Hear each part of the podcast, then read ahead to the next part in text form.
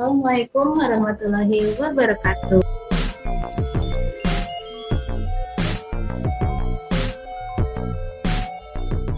Hai teman-teman, ketemu lagi nih di Friend Fun Podcast. Nah, pada episode kali ini, aku Sri dan Kafe bakal nemenin teman-teman semuanya nih. Tentunya kita di sini nggak cuma berdua kok. Kita bakal ngobrol-ngobrol ditemenin sama Karamdan. Kita sapa dulu nih Karamdannya ya. Assalamualaikum Karamdan. Waalaikumsalam Sri. Gimana nih kabarnya Karamdan? Alhamdulillah uh, agak sedikit flu gitu ya sekarang. Hmm, Semoga kurang fit ya Kang ya. fit lah. Tapi overall oke-oke aja sih Kang. Oh. Alhamdulillah oke-oke aja. Cuman tadi uh, kayak agak berat gitu hidung. Tapi sekarang udah legaan gitu. Efek cuaca kali ya Kang ya. Cuaca mungkin. Mau hujan itu. Mm -mm, bener tadi juga udah mendung-mendung tapi nggak turun hujan gitu. PHP, cuaca juga bisa PHP ya. Masya Allah. Nah, buat teman-teman semua nih yang belum tahu, Karamdan ini founder dari Kapun Tulis Community. Nah, bagi yang belum tahu, boleh nih Karamdan uh, jelasin Kapun Tulis Community itu apa sih, Kak? Oh iya, uh, yang menjawab ya, jadi Kapur Tulis itu komunitas. Kita komunitas, sebetulnya komunitas sosial gitu. Nah, sebagaimana komunitas-komunitas sosial yang lain, kita pada dasarnya membantu sesama. Namun di Kapur Tulis kita punya e, nilai lebih atau bidang yang khusus yang meng, apa yang mengurusi kesehatan mental gitu. Jadi kita banyak bahas di situ tentang isu-isu kesehatan mental gitu, tips dan triknya mengelola perasaan gitu, pikiran supaya tetap sehat mental. Kurang lebih seperti itu Kapur Tulis. Oh, Masya Allah. Oh. Jadi sama kayak self develop eh self healing gitu ya kayak tentang mental seseorang. Yang bisa dibilang. Gitu. Hmm. Kita lebih gimana fokus ke situ. Karena gimana? Ya gimana kak? ya apa ya? Mungkin kepertulis itu lebih semua hal-hal yang menyangkut diri sendiri ya kak. Iya nggak?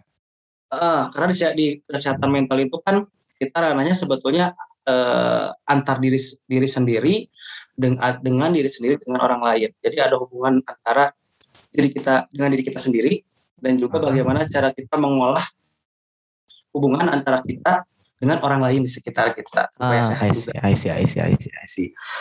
Apa ya, berbicara tentang diri sendiri nih Kang. Hmm. Uh, di zaman sekarang nih, anak-anak muda zaman sekarang, khusus saya pribadi deh, saya pribadi nih, uh, lagi ngalamin di mana di masa di mana saya itu lagi kesulitan atau enggak kayak kebingungan sama diri sendiri. Atau istilahnya tuh kayak ya saya nggak kenal sama diri, diri saya sendiri gitu kan. Kayak saya ngerasa baca sedikit apakah ini uh, apa ya kayak ngaruh sama apa ya berhubungan sama quarter life crisis gitu. Yang di mana saya kebingungan terhadap masa depan terhadap skill yang saya miliki dan juga terhadap ya potensi apa sih yang saya miliki itu. Nah saya kayak gimana sih problem solving untuk menge, apa ya untuk mengenal diri sendiri itu kayak gimana sih kan? Oke, okay. uh, ini yang sering banget dibahas gitu ya sama beberapa komunitas sehat mental juga tentang quarter life crisis. Ini benar banget ini salah satu fase di mana kebanyakan kita tuh para remaja nggak bisa lewatin itu. Bahkan sebetulnya quarter life crisis ini adalah fase antara umur 20 sampai eh, uh, 30 tahun. Jadi sebenarnya orang-orang yang udah dewasa pun bahkan bisa mengalami quarter life crisis. Tadi benar ya, uh, ciri-ciri kita mengalami quarter life crisis itu tadi cemas akan masa depan gitu kan. Overthinking banyak lah overthinking tentang uh, aduh udah lulus nih gitu mau kerja di mana mau kerja apa gitu. Sehingga muncullah di situ uh, apa namanya mungkin self talk ya. Aduh kayaknya gue harus mengenali diri sendiri gitu kan. Nah berbicara tentang mengenali diri sendiri itu sebetulnya simpelnya adalah tentang uh, apa namanya siapa dan bagaimana diri kita gitu Nah, jadi nanti ke depannya kalau misalnya bahas tentang mengenali diri itu gak jauh-jauh dari bahas siapa sih kita gitu dan bagaimana diri ini gitu, di mata diri sendiri. Nah, kebanyakan orang gak bisa jawab itu gitu. Kalau belum kenal sama dirinya tuh gak bisa jawab itu gitu. Siapa sih kamu gitu kan? Siapa sih aku gitu. Coba kalau kalau mungkin saya tanya ya ke Sri, Sri itu siapa sih gitu kan? Mungkin agak ngahulang gitu ya. Nah, itu kan salah satunya gitu. Pentingnya gitu. Nah, pentingnya kayak gitu mengenal diri itu kalau kata Socrates sih mengenali diri itu kan pernah bilang gini Socrates itu filsuf ya pada tahu mungkin ya Jadi kata Iya. Socrates ini, mm-mm, eh, dia agak ekstrim sih. Beliau agak ekstrim bilangnya hidup yang tidak ditelah itu eh, bukanlah hidup yang pantas untuk dijalani gitu. Nah, jadi secara tidak langsung kenal diri sendiri itu bicara juga tentang tujuan hidup. Gitu. Makanya orang-orang yang eh, mungkin belum kenal sama dirinya, kadang-kala ditanya tujuan, bingung dia. Ah, aku mangke weh gitu. Kadang-kala pakai quotes yang aku seperti air mengalir gitu. Padahal kan kata Einstein mungkin eh, hanya sampah atau ikan mati yang mengikuti air mengalir gitu kan arus air. Nah, mungkin kurang kurang lebih kayak gitulah mengenali diri itu. Jadi tentang siapa dan bagaimana sih kita. Jadi konteksnya tentang bermanfaatan kita gitu. Ah iya Potensi iya. iya. kita ah, gitu. Tapi kalau menurutku sih apa ya eh peribahasa tentang hidup bagai apa ngikuti air mengalir itu kayak gak, gak, gak relate sih lebih kayak aku tuh kayak daun dan aku tuh ngikutin ke mana angin bertiup aja sih sebenarnya gitu kan kalau eh air kan kayak udah ada tracknya tuh kan kayak udah ada Hmm. tracknya dan akan bermuara ke laut eh Hmm. bermuara apa ya maksudnya endingnya kan ke Iya. laut gitu tapi kan kalau kayak daun tuh kayak ya ke mana aja gitu habis jatuh dia terbangin lagi gitu kan. Kayak gak jelas banget gitu kan. Ini kayak bener-bener efek yang gak punya tujuan tuh kayak wah kayak ngerasa ah I'm nothing gitu. Seriusan Iya, and do nothing something like that. Nah, ini ini penting juga ya kita pelajari bersama gitu bahwa bedanya orang yang kenal diri sama orang yang belum kenal situ letaknya. Jadi kalau orang yang udah kenal diri, dia jatuh bangunnya tuh eh, bisa dimakan sama sendiri gitu. Kalau tadi kan misalnya ibaratnya kalau itu ibaratnya daun yang tertembak angin gitu kan jatuh diterbangin lagi. Nah sebetulnya yang nerbangin itu kan bukan daunnya tapi anginnya. Nah kalau kita analogikan ke dunia nyata kan berarti itu bisa kita sebut lingkungan tuh yang membuat kita bangkit lagi. Nah kalau kita udah kenal diri, sebetulnya kita eh, apa namanya powernya itu bukan dari luar tapi dari diri kita sendiri. Nah, itu enaknya kalau kita udah kenal diri, Pak. Jadi Ah. kita bukan nggak perlu lingkungan, tapi lingkungan itu hanya sebagai energi eh, kedua yang utamanya itu dari diri sendiri. Nah itu bedanya kalau kita udah kenal sama diri sendiri. Kayak lingkunganku lebih ke trigger kali Nah, ke trigger, atau Trigger. boosternya gitu atau boosternya boosternya doang gitu. Oh, Niatnya oke, mah oke. ada di diri sendiri gitu. Jadi kita eh, segimanapun lingkungan, kita tetap punya keinginan atau impian itu. Kita nggak akan nggak akan apa namanya buat ngehapus impian-impian itu. Impian bangkit itu akan selalu ada, cuman akan lebih cepat tercapai ketika lingkungan mendukung. Makanya nanti kita fokusnya tuh dari lingkungan eh, yang bisa membuat kita merasa dihargai gitu. Nah, merasa dihargai. Nah, nanti dipertemukannya dengan orang-orang yang eh, baik juga. Kalau misalnya tujuan kita baik kan, triggernya ada di kita nih. Nah, kita otomatis kan akan meninggalkan mungkin kecenderungan ada kecenderungan meninggalkan lingkungan yang kurang baik. Itu kan bagus jadinya. Jadi nanti kita ketemu lingkungan yang baik seperti teman-teman DKM mungkin ya. Itu kan kita awalnya mungkin ah aku pengen berubah gitu. tapi kan hijrah nggak bisa sendirian gitu. Nah, masuklah ke DKM, eh ketemu lingkungan yang baik. Nah, di situlah kemudian kita mampu berkembang pesat kan gitu, me- apa namanya ke hijrahnya. Nah, kayak gitu tuh contoh-contoh realnya kayak gitu. Oke oke oke, sungguh apa ya, insight yang udah lumayan daging banget ya walaupun kayak baru secuil gitu pembahasan tentang self apa mengenal diri sendiri. Nah sih kayaknya akan seru nih kalau kita ngebahas tentang lebih dalam gitu ngebahas lebih dalam tentang cara bagaimana kita mengenal diri sendiri gitu kan. Siapa sih aku ini? Gitu kan. Gimana Iya. sih? Boleh nih Kang, soalnya kan kebanyakan mungkin gitu kan kita gitu, apalagi mahasiswa kadang aku ini siapa sih gitu kan, terus kayak "Eh, bakat aku tuh di mana sih kayak gitu kan, Ka- kadang masih banyak orang-orang yang masih kebingungan tentang potensi dirinya itu sendiri gitu kan. Kalau menurut Kak Ramdan itu gimana? Oke, eh, kalau saya sih biasanya gini ya. Ini aku mainkan ya saya. Gini nih, kalau karam dan karam tuh gini. Ketika ada yang nanya, gimana sih caranya, om- apa namanya, gimana sih caranya, gimana sih caranya gitu kan.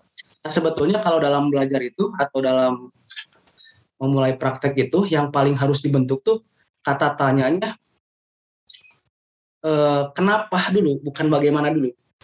Karena kalau kenapanya terjawab, itu nanti kita nggak perlu motivasi lain. Kalau bagaimana tuh uh, misalnya kita udah tahu caranya, tapi karena kita kurang why-nya kurang dapat, jadi akan ada titik ah kita bosan balik gitu. Tapi kalau why-nya yang terlebih dahulu dibangun, itu nanti apa dan bagaimananya itu uh, kita bisa nemuin sendiri. For example kayak gini gitu ya. Kalau soal mengenali diri, kenapa sih gitu kan? Kenapa sih misalnya orang Islam harus sholat Yeah. Kalau kalau bagaimana caranya kan gampang ya itu tinggal biasa baca buku fikih kemudian tanya ustad gitu kan. Akan mudah. Tapi ketika udah tahu nih tapi tetap aja kan susah sholat gitu kan. Kalau wainya nggak dapat nah kayak ya, gitu tuh. Nah contohnya di, di mengenal diri juga kayak gitu. Jadi yang harus kita tahu itu kenapa dulu sih kita harus mengenal diri? Nah di antara alasannya tuh kayak gini Tadi uh, contohnya ada quarter life crisis, itu di antaranya kita ngerasa cemas, bingung gitu ya, kehilangan kendali diri gitu, ini yang bahaya. Kemudian ada juga suka kita tuh terombang ambing sama emosi dan opini orang lain gitu. Jadi hidup kita tuh gimana orang lain gitu, secara tidak langsung ya gitu. Kita mau update status ini ah takut dikatain uh, soalim, kita mau update status anu takut dikatain dan sebagainya. Kita melakukan sesuatu tuh mempertimbangkan orang lain dulu gitu. Nah, terus juga di antara kenapa kita harus mengenal diri sendiri itu karena kita juga kadangkala mungkinnya sebagian besar dari remaja sering bikin keputusan yang kurang bijak. Gitu. Pernah ada riset eh, bahwa 80% ke atas gitu ya, itu mahasiswa salah jurusan katanya. Nah itu kan mungkin eh, akibat dari keputusan yang kurang bijak dulunya gitu kembali lagi kan mereka nggak kenal sama diri kelebihannya apa gitu kekurangannya apa gitu. Mereka cuma tahu masuk masuk kuliah itu kayak gimana. Sedangkan kenapa mereka harus kuliah nggak terjawab. Nah kayak gitu. Kemudian kenapa yang lain juga biasanya kenal diri itu untuk menghandle perasaan nggak berdaya gitu nggak berdaya di hadapan orang lain.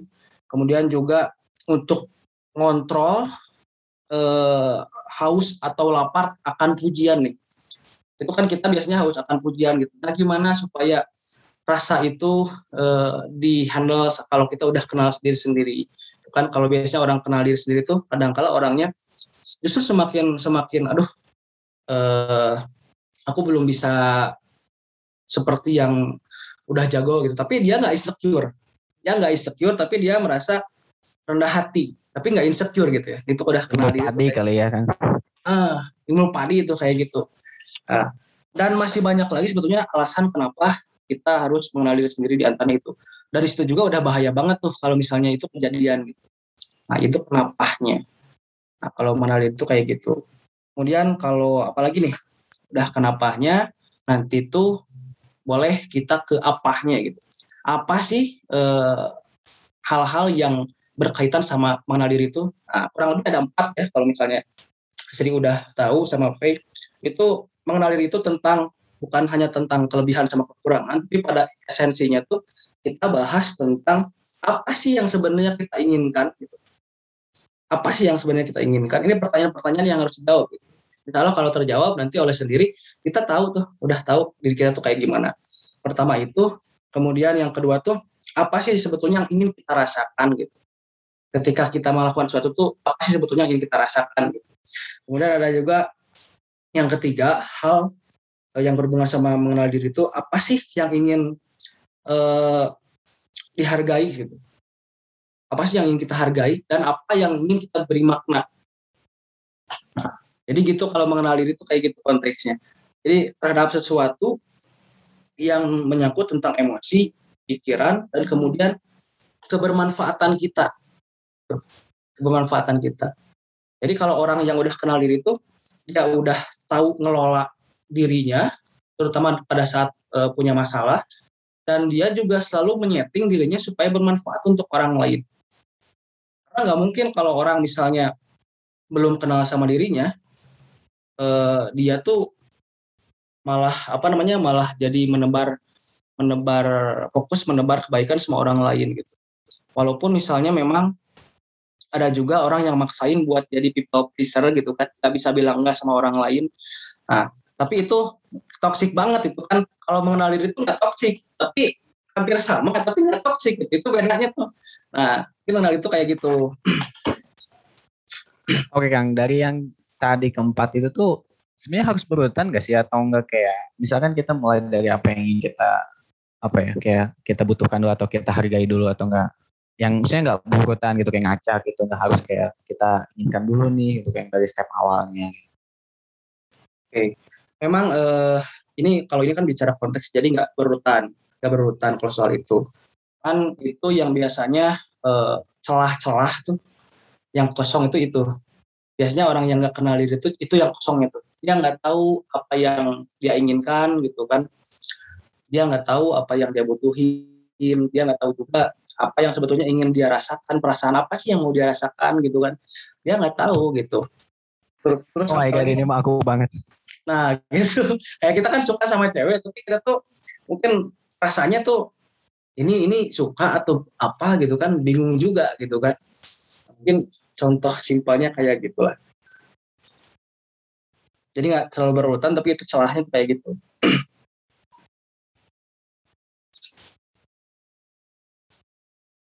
Oke, gimana? Ya. Gimana nih? Masya Allah banget ya. Masya Allah jawabannya. Berarti kan uh, kita harus mengenal kenapa kenapa kita harus mengenal diri sendiri dulu ya Kang tadi kata Karanda. Nah, gitu. nah, tadi kan ada poinnya tuh terpengaruh sama orang lain. Itu berarti sama aja kayak misalnya kita udah berbuat sesuatu nih uh, otomatis kan ada yang suka ada yang enggak gitu kayak di dunia ini nah, pasti kayak gitu. Nah kadang suatu kritikan itu malah bikin kita misalnya jadi uh, down kayak gitu. Nah apa itu pengaruh gitu Kang dari sebenarnya kita tuh belum kenal sama diri kita gitu. Jadi ketika uh, nerima kritikan tuh kitanya malah jadi doan terus gak mau ngelakuin hal yang seperti itu lagi gitu. Gimana menurut kalian? Nah, benar. Itu salah satu indikasi kalau kita belum kenal banget gitu. Jadi kan mengenal itu kan kenal, kenal banget gitu kan, kenal cut gitu kan. Nah, mungkin yang kedua itu kita udah berani show up, tapi ada trigger dari luar yang mungkin negatif gitu ya. Eh, kitanya malah down gitu kan. Itu udah kenal tapi belum kenal banget mungkin gitu ya. Nah, di antara kesalahan mindset kita tuh para remaja kalau yang pengalaman Karama gini. Jadi kebanyakan dari kita tuh fokus sama masalahnya. Fokus sama apa yang gak bisa kita kontrol gitu. Padahal sebenarnya tuh kalau soal tadi ya, kasus yang cerita tadi gitu. Ya gampang aja sih kalau ngomong tuh. Kita tinggal fokus sama apa yang masih bisa kita lakukan. Nah, kalau dapat kritik kan misalnya ah ini kurang ini, kurang ini, itu aja fokusnya nggak usah nggak usah mikirin apa namanya nggak usah mikirin loh kayaknya orang lain nggak akan suka deh gimana gimana juga aku. Nah nah karena memang begitu hukumnya kan gitu nggak akan pernah ada orang yang 100% suka sama kita gitu. Jadi kuncinya fokus di apa eh, apa yang masih bisa kita lakuin gitu. Jangan fokus sama apa yang udah di luar kontrol kita. Itu kan statement orang lain itu termasuk ke dalam hal yang nggak bisa kita kontrol. Jadi di luar kontrol kita. Nah, itu nggak usah kita pikirin gitu. Ya gitu. Apa yang tergantung sama diri kita dan apa yang nggak tergantung sama diri kita gitu kan ya? Ya gitu. Nah, okay. Jadi lebih ke fokus itu. kontrol. Kalau di psikologi memang ada yang namanya eh, apa yang bisa kita kontrol dan apa yang nggak bisa kita kontrol. Itu memang harus kita pisahin dulu dan klien dan klien atau apa ya yang surat sama kita gitu ya teman-teman itu kita bantu memisahkan itu gitu. Karena sering dicampur adukin gitu. Ya itu yang bikin masalah tuh kayak gitu. Terkadang yang nggak bisa dikontrol pun coba aja. Iya gitu dipikirin gitu. Itu yang salah. gitu.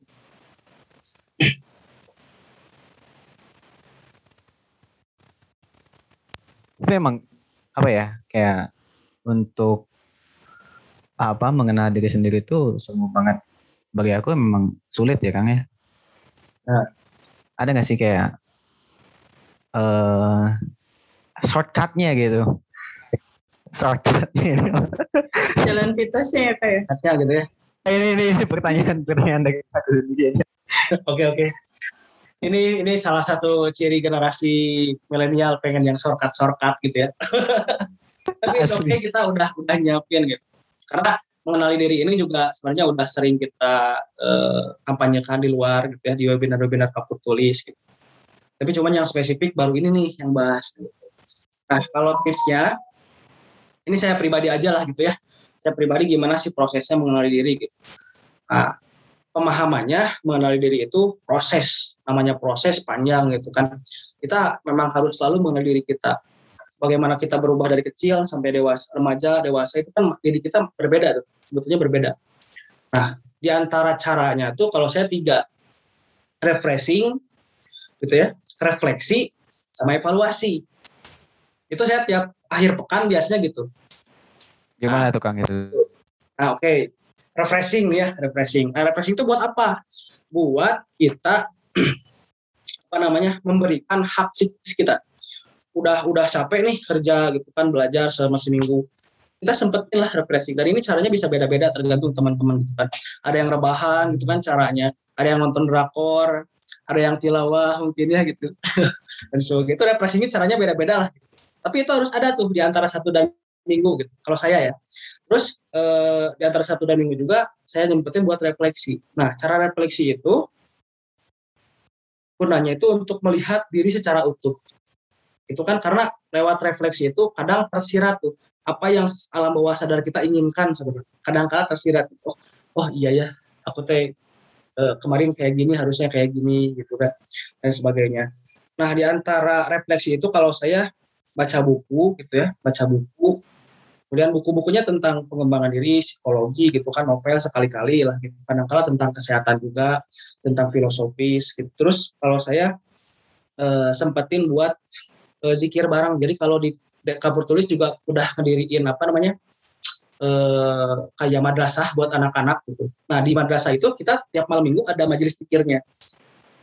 Jadi pas banget. Jadi kalau kita zikir, karena zikir itu gini nih, teman-teman kalau sendiri ya, zikir itu kayak gini untungnya Zikir itu ngebantu kita menciptakan jeda antara stimulus sama reaksi. Bukan antara provokasi dengan uh, sorry antara stimulus dengan respon antara uh, dan antara provokasi dengan reaksi. Itu pentingnya zikir itu kayak gitu. Jadi itu kan jadi kita uh, langkah-langkahnya akan lebih bijak insya Allah ke depannya gitu. Karena ada jeda di situ. Jeda. Terus juga refleksi itu saya biasanya nulis diary sampai di hari saya itu jadi buku judulnya catatan senandika itu kumpulan diary saya tuh sebetulnya di, di dalamnya tuh dalam kali itu refleksi terus yang terakhir itu evaluasi gitu. evaluasi jadi saya sempetin Sabtu atau minggunya setelah refreshing gitu kan e, kemudian refleksi saya sempetin evaluasi gitu. Jadi evaluasi itu kita mengkritisi diri sendiri gitu oh ini salahnya gimana? Yang ini oh kalau ada hutang harus dibayar gitu kan. Itu yang sering kita lupa gitu. kalau saya mah punya kebiasaan kayak gitu.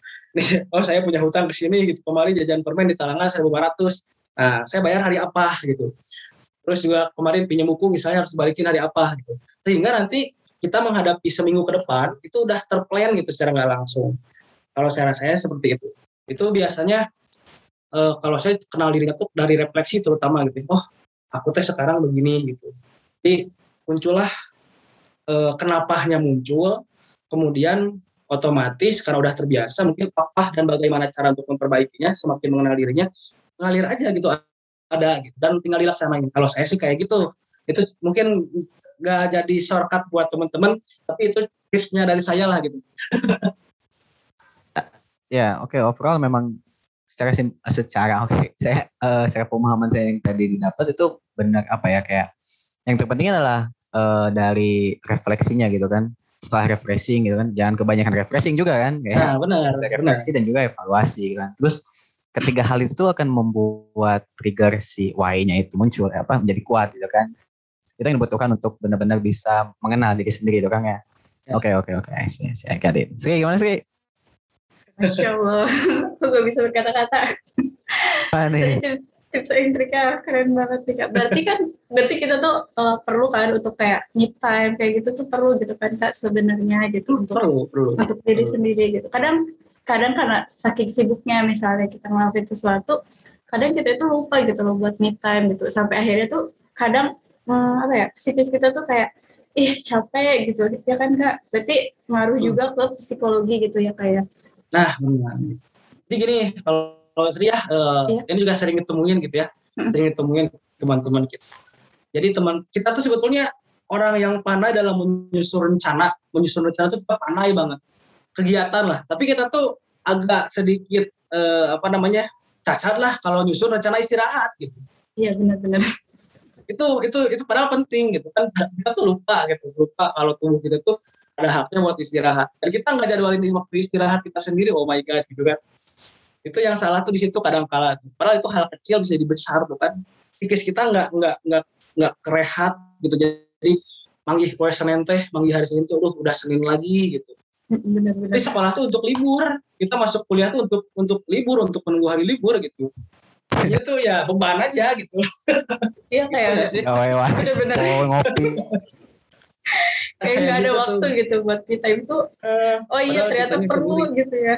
perlu benar Tuh, mungkin kan mahasiswa ya kayak mungkin terlalu sibuk gitu sampai kadang kita juga kadang lupa gitu sama diri kita sendiri kayak gitu.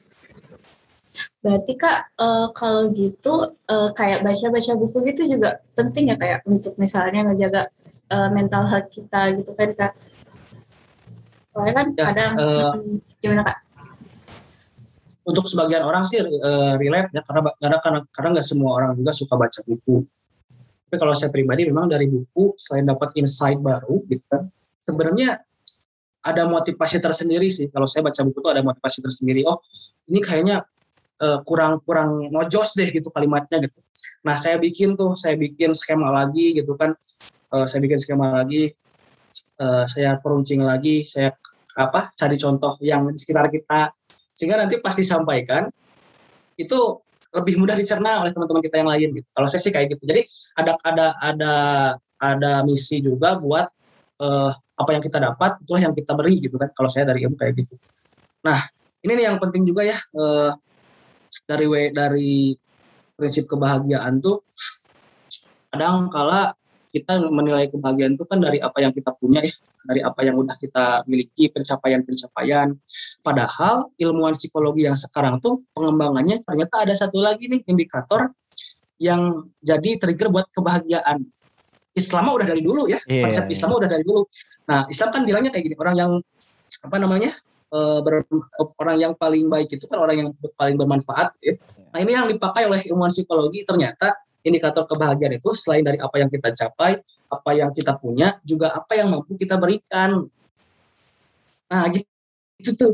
Nah ternyata coba aja nanti rasain lah pasti pernah pernah ngasih kan gitu ke orang gitu entah itu ilmu entah itu perhatian entah itu materi gitu kan kalau orangnya bisa terus ngerasa kebantu terus ada ucapan terima kasih ke hati kira-kira seneng nggak seneng kan ya Ah, senang banget sih Kang. nah itu tuh itu tuh salah satunya apa namanya buat metode healing juga bisa gitu. untuk orang gitu kayaknya kayak gitu deh Ya, cocok banget sama tagline DKM ya kan tetap semangat menebar manfaat itu kan. Nah, sama itu sama DKM juga emang harus kayak gitu deh kayak udah tahu deh kayaknya DKM itu cara cara ngehealing anggotanya cuman kita nggak sadar aja gitu Iya kadang kadang nggak sadar. kita nggak kenal kita nggak kenal DKM Darul Ivan kayak gimana sebetulnya Ya benar-benar. Padahal tagline-nya udah bagus ya, tetap semangat bagus. manfaat gitu. Nah, eh, kalau berbicara tentang zona nyaman nih kak, menurut Kak Ramdan gimana sih? Penting eh, apa ya? Perlu nggak sih kita keluar dari zona nyaman kita gitu kak? Kadang Nah, sebelum orang- itu, Kak. Mm, apa apa? Soalnya tuh aku pernah dengar istilah gitu. Aku pernah dengar dari entah konten orang atau artikel orang itu bahwa bahwasannya bahwa eh, keluar dari zona nyaman tuh udah nggak nggak apa ya, udah nggak relevan lagi gitu. Sekarang tuh saat waktunya untuk memperluas zona nyaman katanya gitu. Allah. Wah, tuh. itu agak ambigus ya memperluas zona nyaman tuh kayak gimana Jadi apa ya? Sebenarnya yang seingat aku nih ya, sepemahaman aku tuh dari situ tuh kayak awal-awalnya memang konsepnya sama dengan keluar dari zona nyaman gitu kan. Tapi dari keluar dari zona nyaman itu apa masuk ke zona yang baru, nah si zona yang baru itu dijadiin zona nyamannya lagi gitu kan. Kayak gitu dan itu akan terus berulang gitu. oke Entah sih ini apakah emang maksudnya entahkah apa emang benar-benar bisa relevan bagi apa halayak banyak atau cuman kayak hanya sekedar konten-konten aja gitu. Cuman itu yang benar-benar kayak bikin aku tertarik gitu untuk kayak eh emang iya gitu. Kayak oh iya juga ya kayak Oke, jadi kalau di psikologi itu ada dua ya antara ini ini sering jadi sering jadi kambing hitam nih kata-kata self self healing gitu. Perlu teman-teman bedain antara self healing dengan memanjakan diri itu beda banget. Jadi self healing itu bukan memanjakan diri itu satu dulu ya. Nah, kalau memanjakan diri kan kita misalnya kita udah sebenarnya udah nggak ngantuk nih, tapi masih tetap rebahan itu bukan self healing lagi jatuhnya. Itu udah malas aja gitu. Kalau healing itu kan kayak kita udah ngantuk, tidur, bangun, ya udah itu sebenarnya udah keobatin gitu. Itu self healing. Kalau lebih dari porsinya, bukan self healing lagi itu malas gitu. Itu memanjakan diri namanya. Nah itu pertama. Dua tentang zona nyaman nih. Kalau tadi ada e, pertanyaan dari Sri, perlu nggak sih kita keluar dari zona nyaman? Perlu. Itu perlu. Karena apa? Karena hakikatnya e, manusia itu fastabikul khairat gitu kan ya berlomba-lomba dengan dalam kebaikan. Nah otomatis kan kalau berlomba-lomba kita kira-kira jalan atau lari gitu kan. Kita netep netep atau sing atau atau maju gitu kan. Nah kira kita maju kan nggak netep gitu. Jadi secara secara isyaratnya kita harus keluar dari zona nyaman. Nah kalau tadi tentang kita udah keluar dari zona nyaman, terus memperluas zona nyaman, masuk ke zona yang baru, terus dijadiin lagi di zona nyaman. Itu mungkin kasusnya kayak kita tuh udah jago di zona yang baru, jadi itu jadi zona nyaman kita. Nah, gitu. Nah, itu. Kalau di psikologi sih sebetulnya uh, kita pembagiannya zona nyaman, gitu kan, zona uh, apa namanya? zona bingung. Nah, jadi di atas zona nyaman itu ada zona bingung. Zona nyaman, zona bingung, sama zona bertumbuh. Misalnya gini, kita biasa misalnya zona nyamannya itu ada di kampus gitu. Nah, ke, oke di jurusan apa deh? Di jurusan pernah ikut kurikulum 2013 nggak di SMA yang ada peminatan gitu? Oh ya, kalau aku pernah aku. Nah, itu ya, nah kayak gitu misalnya. Kita misalnya zona nyaman kita di IPS nih atau di IPA gitu. Eh ternyata ada peminatan gitu. Harus loncat materinya dari jurusan kita misalnya jurusan IPS masuknya ambil biologi nih peminatannya. Itu udah bukan zona nyaman lagi. Ya, masuk zona, ke IPA. Ya. Zona bingung tuh. Zona bingung. Nah, justru dari zona bingung itu muncul pertanyaan yang bisa bikin kita berkembang. Jadi sebetulnya kalau teman-teman bingung nih ya, bingung di suatu tempat yang baru, itu sebetulnya teman-teman udah nggak di zona nyaman lagi. Itu udah udah di zona bingung. Kalau bisa ngelewatin, nanti otomatis punya skill baru. Nah, gitu. Asalnya tadi ikut ulen gitu ya, nggak ikut organisasi, ikut DKM. Itu kan zona bingung sebetulnya, ini harus ngapain gitu pertamanya gitu kan.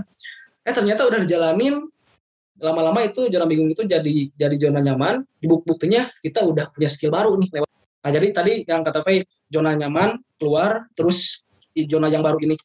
Ah iya iya oke nah zona bertumbuh ya. Tapi kalau zona bertumbuhnya tetap kita tetap nggak nggak beranjak lagi. Nah itu situlah zona nyaman.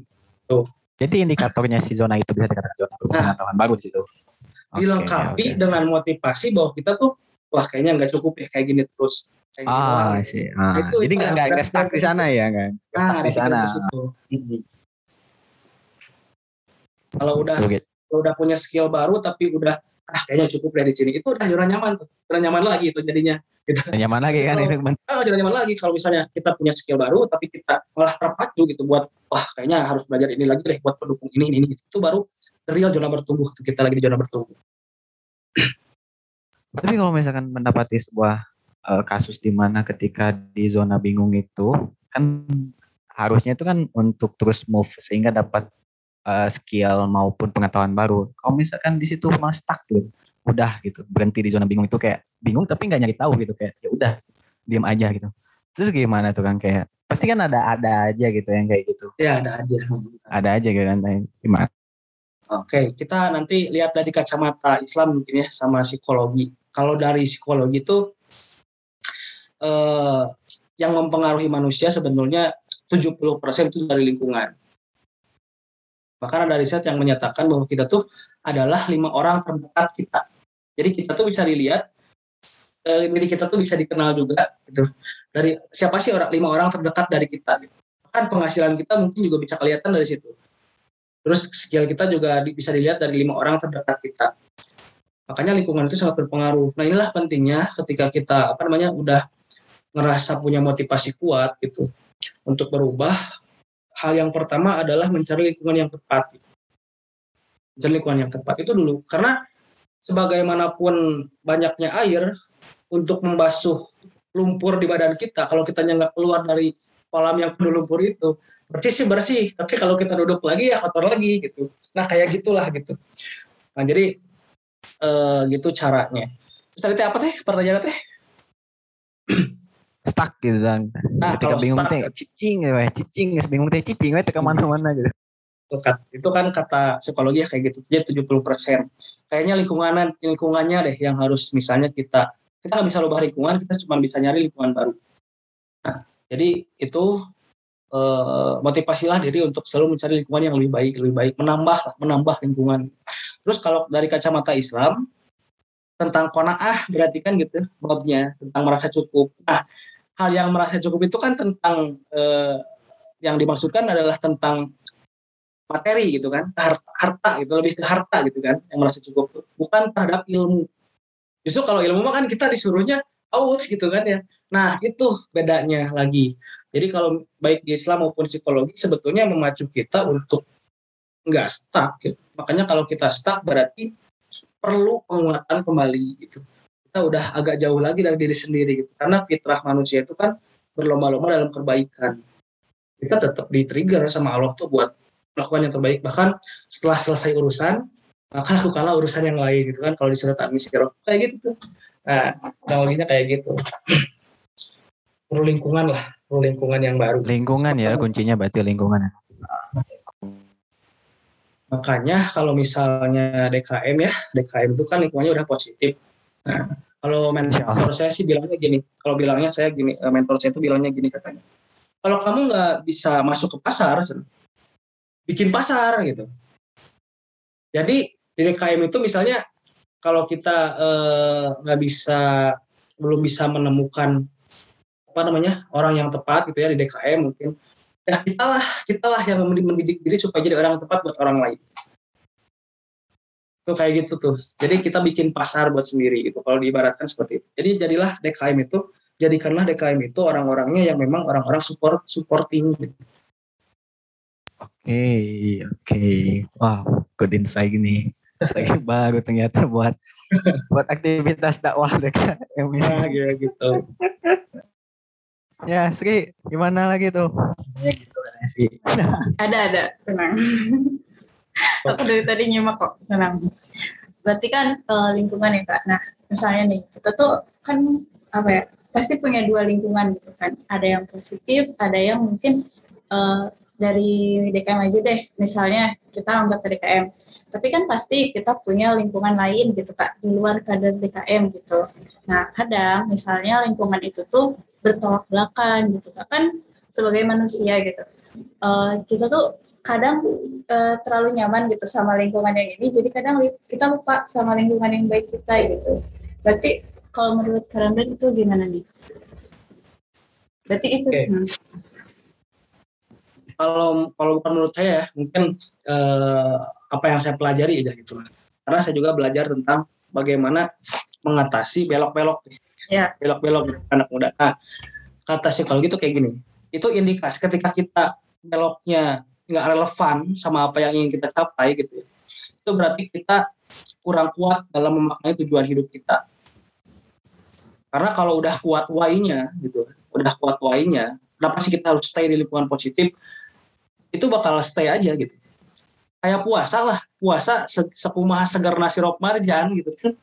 Dan hmm. makanan-makanan yang lain kalau kita udah tahu oh kenapa harus puasa? Karena satu perintah Allah terus takut juga masuk neraka kita udah paham gitu why-nya. Kita nggak nggak akan tergoda gitu kan. Nah kayak gitu tuh. Termasuk ketika kita punya dua lingkungan yang anggaplah satu toksik satu eh, positif gitu kan.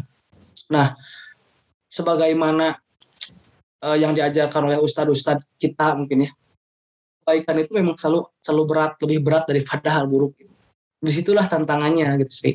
Jadi kalau misalnya uh, apa namanya kita bisa uh, memposisikan diri di lingkungan positif dengan segala kemampuan kita gitu kan justru di situlah nilai diri kita gitu jadi jangan selalu nuntut bahwa ada aku mah lingkungannya ini jadi aku mah kayak gini gitu Nah, jangan kayak gitu. Justru di situlah letak ibadah kita gitu.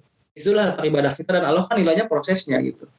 Karena itu yang bisa kita kontrol proses kitanya bukan hasilnya. Itu nah hasil mah Allah yang menentukan gitu. Itu. Jadi kayak gitu teh mungkin lebih ke mengenali dirinya lebih diperkuat lagi.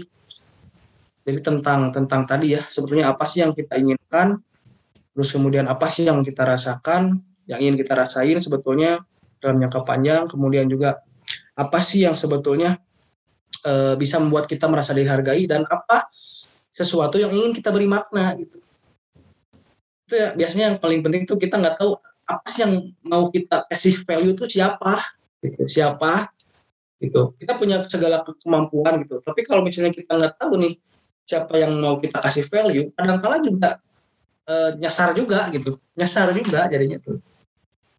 Kita punya uang gitu nggak banyak kita nggak tahu nih apa siapa yang mau diberi makna akhirnya hedon gitu. Itu kan kayak gitu. Nah, jadi mengenal diri tuh mungkin kayak gitulah. Kulit kulitnya mah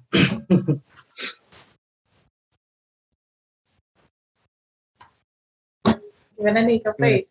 Masih ada yang bingung gak nih dari kafe? Atau ada unek-unek? jadi curhat kayak opening tadi sebenarnya yang opening tadi sesi curhat gitu kayak bener-bener apa yang aku rasain gitu kan terhadap diri aku sendiri kayak ah bener-bener bingung gitu terhadap diri sendiri kehilangan arah dan apa pun lah itu hal yang kayak nggak kayak ngerasa hidup tuh meaningless gitu kan hmm. seriusan itu makanya aku ngerasa bener-bener dapat banyak insight dan sangat terbantu ya terhadap apa yang apa penjelasan dari Kang Kamran terhadap cara mengenai diri sendiri itu karena setidaknya aku kayak oh ternyata aku tuh harus memperkuat why-nya dulu nih gitu kan yeah.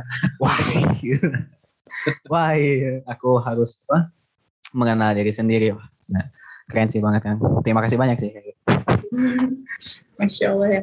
Oh iya, Kak, kan ah. uh, aku tuh baca ya di internet itu kayak ada uh, 12 ini indikator yang important personal development gitu. Salah satunya itu kan ada communication itu antara listening, public speaking, sama presenting gitu. Nah, uh, apa ya berpengaruh nggak sih kak misalnya kayak sifat introvert sama extrovert gitu terhadap communication kayak gitu kak? Oke, okay. ini menarik ya. Saya mau kesan tanya Sri dulu deh. Ya. Sri yang kalau menurut pemahaman Sri ya, introvert ya. sama extrovert tuh dilihatnya dari apa sih? Uh, dari sifatnya bukan.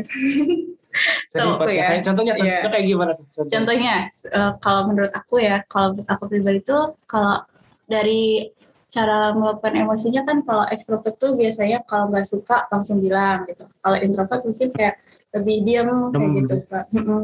kalau dari pemahaman aku sih seperti itu gitu.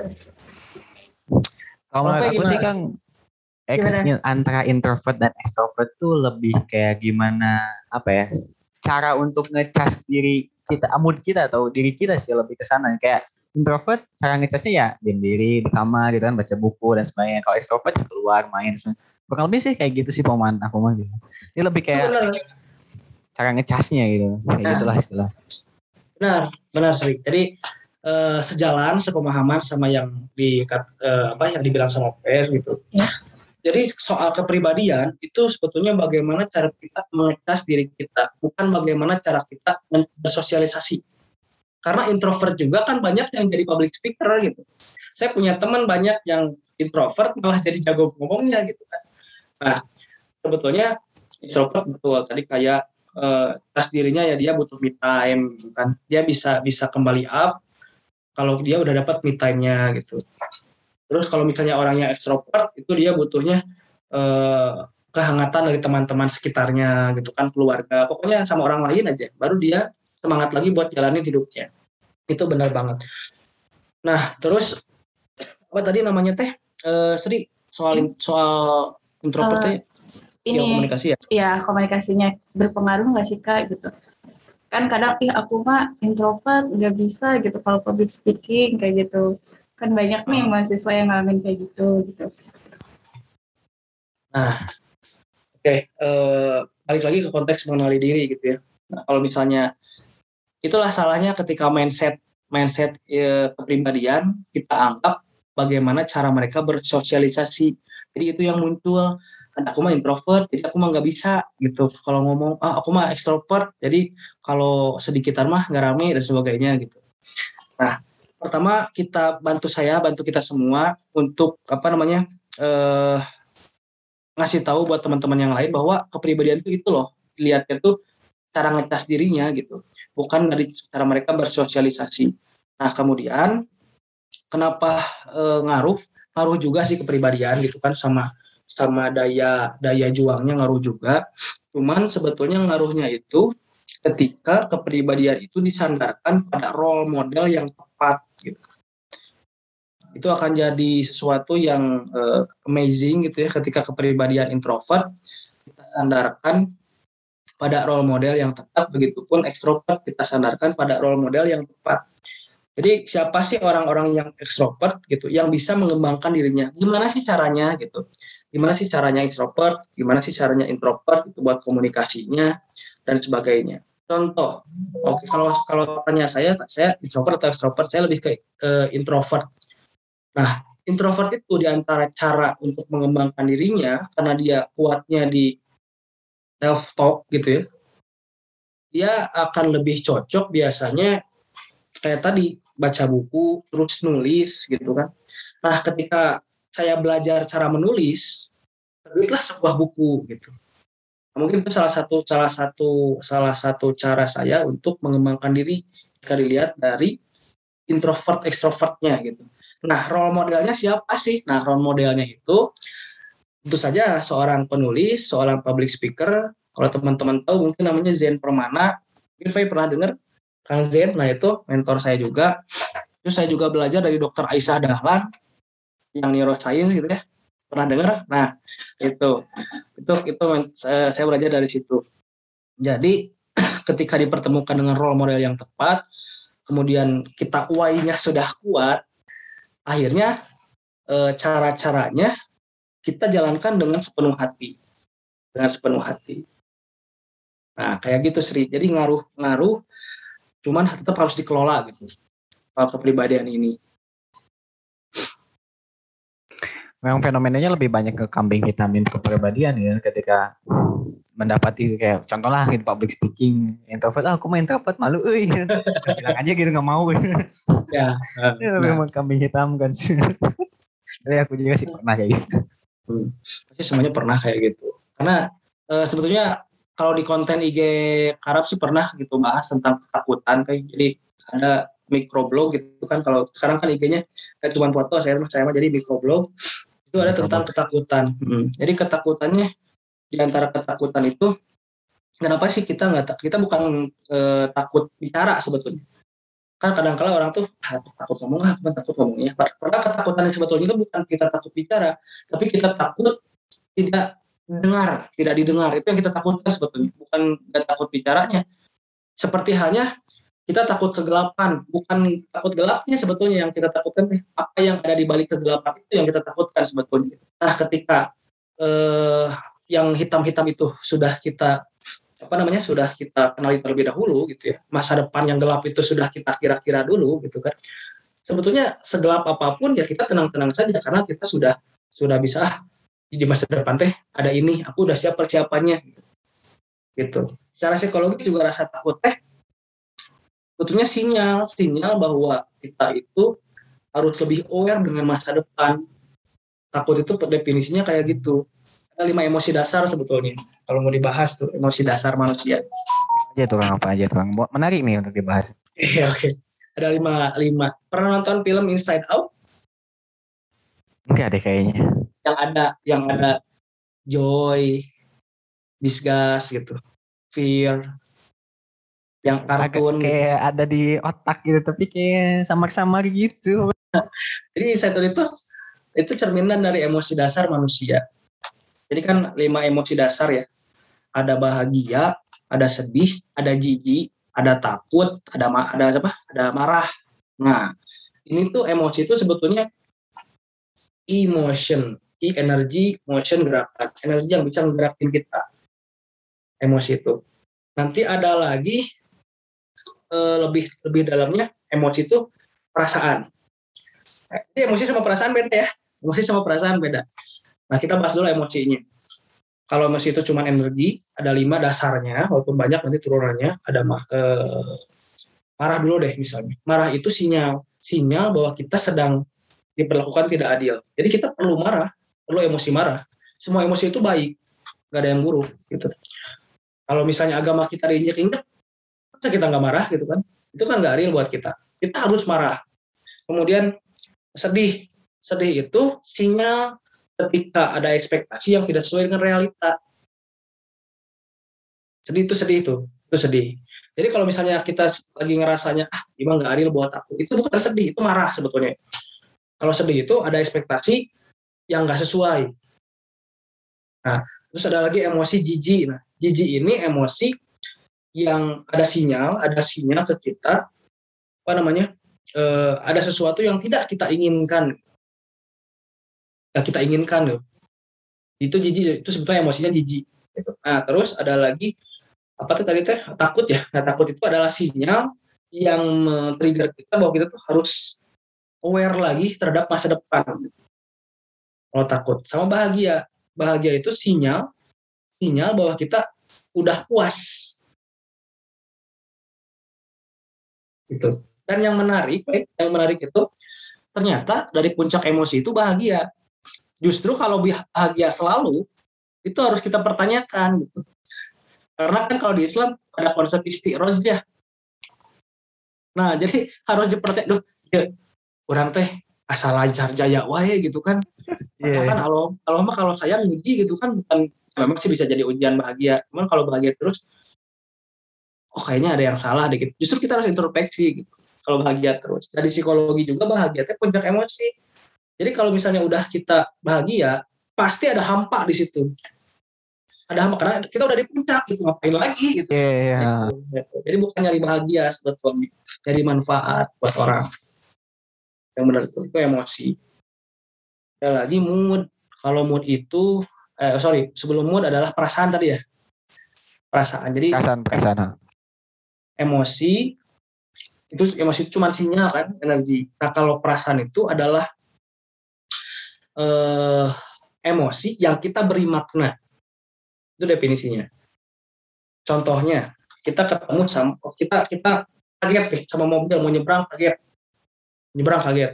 Kan kaget ya gitu. Itu emosi yang muncul adalah mungkin takut atau misalnya eh, cemas dan sebagainya. Lebih ketakut lah mungkin kaget ya. Kaget misalnya. Nah, ketika kita udah sampai rumah, mobilnya udah nggak ada gitu ya, klaksonnya udah nggak ada, tempatnya udah beda, kita tetap merasa takut, itulah perasaan. Jadi lebih gampang itu kayak gitu. Jadi kalau misalnya kita udah ketemu cewek, kita merasa getaran ketika ada masih ada dianya, masih ada objeknya. Eh di rumah masih getar, itulah perasaan, itulah disebut baper. Kayak gitu tuh. Itu itu perasaan. Ada lagi mood. Kalau mood itu nggak ada objeknya, nggak ada triggernya, nggak ada apa-apanya, kita ujuk-ujuk merasa emosi. Makanya sih cuma orangnya mudian gitu kan. Nggak ada apa-apa nggak ada dodol nggak ada angin. Kok sedih kok marah? Itu lebih ke mood. Nah depresi itu depresi itu adalah masalah mood. Karena mood itu udah mengganggu eh, eh, kesa apa perilaku dia sehari-hari. Oh. kalau emosi mungkin masih dalam benak ya gitu. Perasaan juga masih dalam hati. Tapi kalau mood itu udah ah udah udah ngeganggu banget gitu sama ngaruh ya ngaruh ke aktivitas aktivitas.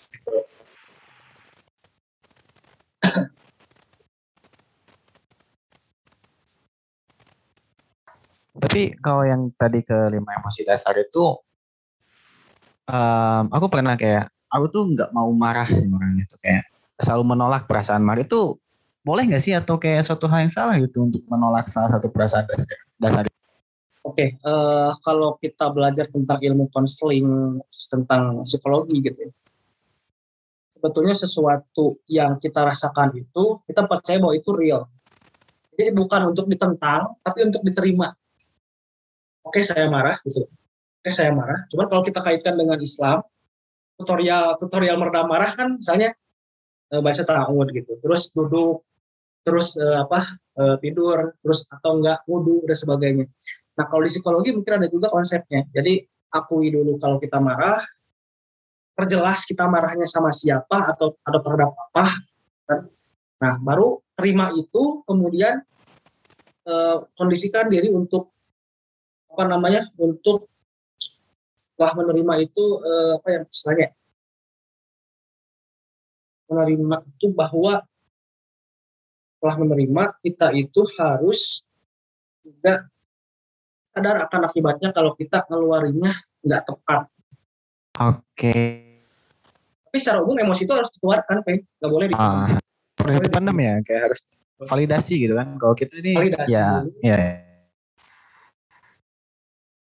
nggak boleh di apa dipendam harus tetap dikeluarin ya. walaupun itu eh, apa marah pun sekalipun gitu kan ya ucapnya adalah emosi negatif gitu kan tapi kita perlu untuk marah gitu karena sebagai iya emosi dasar itu ya hmm, I see, I see, I see. Sri Sri ada katanya diam mulu nih Iya, ada kok ada. kayaknya tidur Enggak, enggak, enggak tidur. Dari tadi jam makanan dan sama kafe nih. Seru banget pembahasannya nih dari tadi. Asli aku pun kayak baru tahu gitu bahwa ternyata emosi itu nggak boleh dipendam sama sekali gitu harus tetap Iya. dikeluarin gitu ya. Ya benar. Tapi tahu nggak kita ini kayak lagi konseling gratis kan? Iya benar. dari psikolog itu kita bayarnya gede banget. Iya. Ini kayak gratis banget gitu. sebuah apa ya? Sebuah rezeki gitu dari Allah ini. Masya Allah banget ya. Ada yang menarik satu lagi. Sebenarnya ada ada dua sih yang menarik. Oke apa tuh? tentang tentang passion, tentang passion. Mau tanya juga deh sekalian. Kalau yang kalian berdua pahamin gitu, passion tuh apa gitu. Passion, sesuatu yang kita senangi gitu.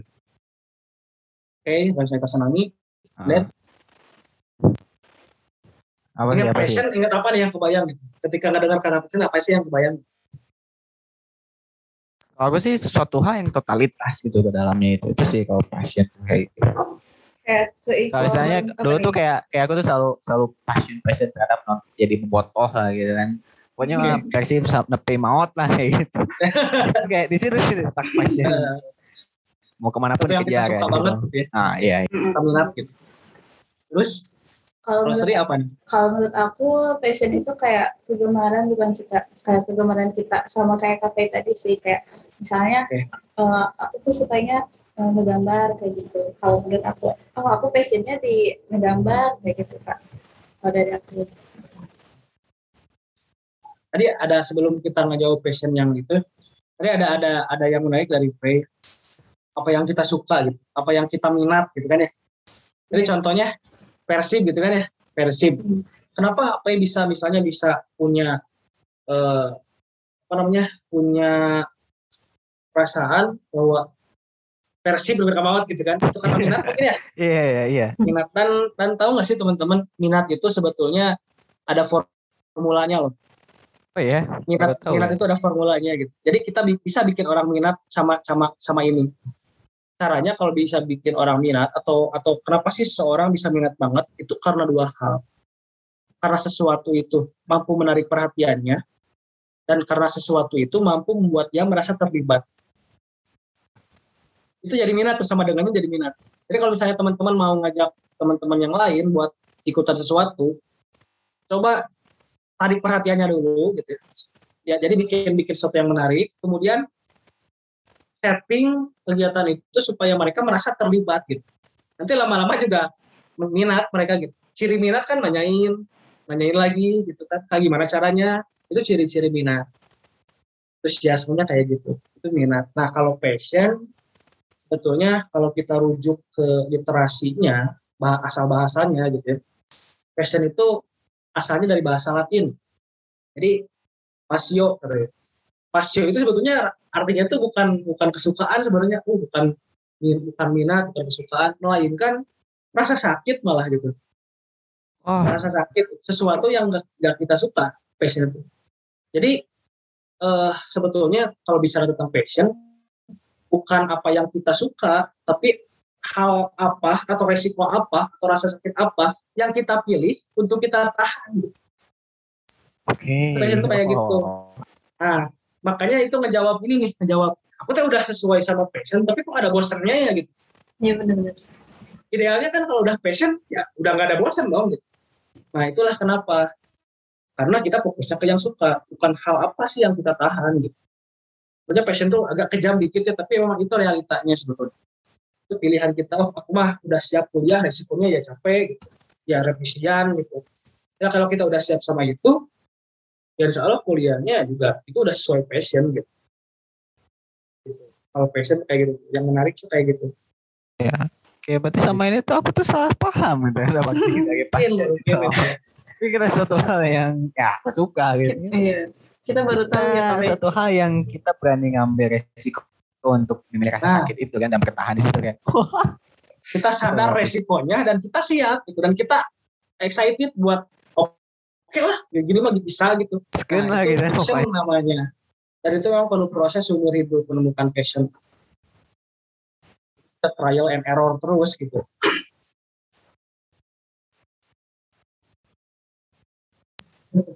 Gimana sih? Ya, Masya Allah. Ternyata pembahasannya seru juga nih. Seru juga ya, Pembahasannya- Kafe.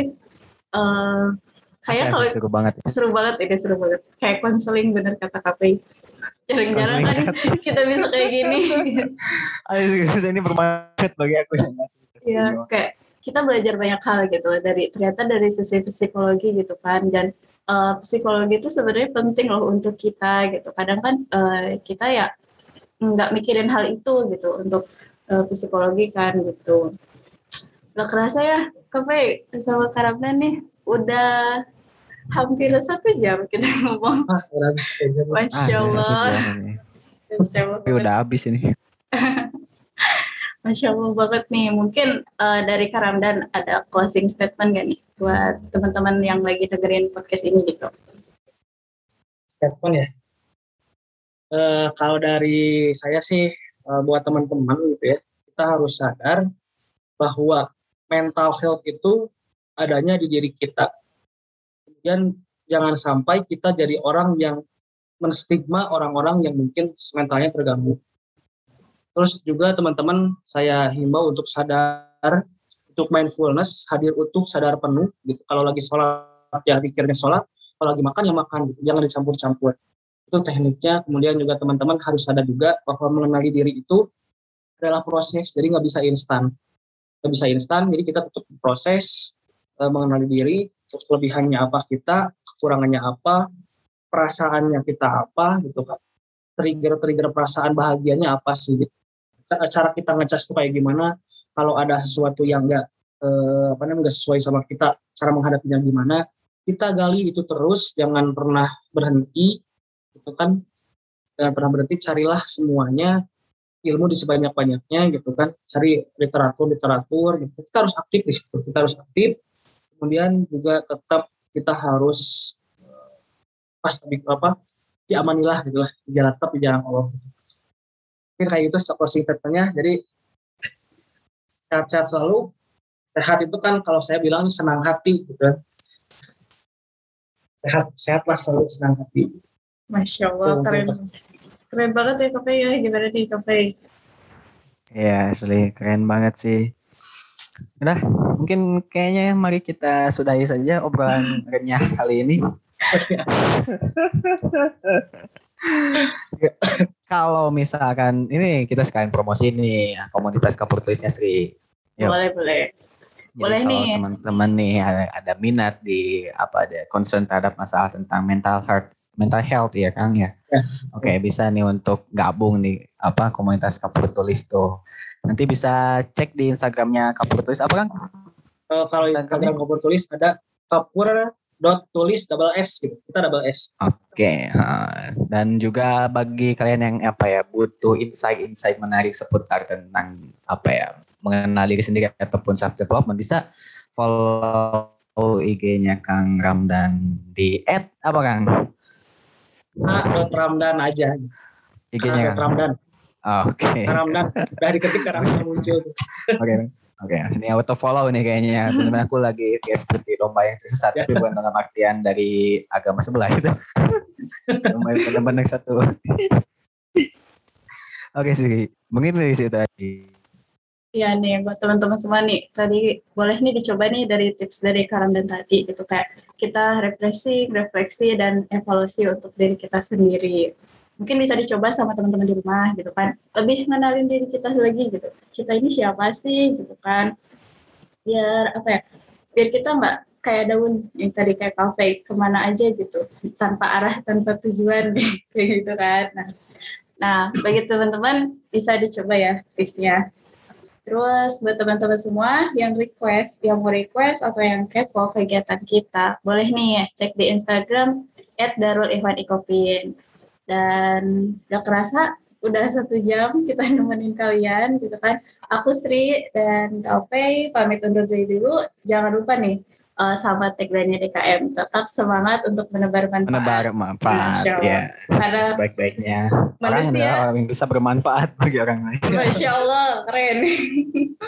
Oke, okay, see you later. Bye-bye. Wassalamualaikum Bye. warahmatullahi wabarakatuh.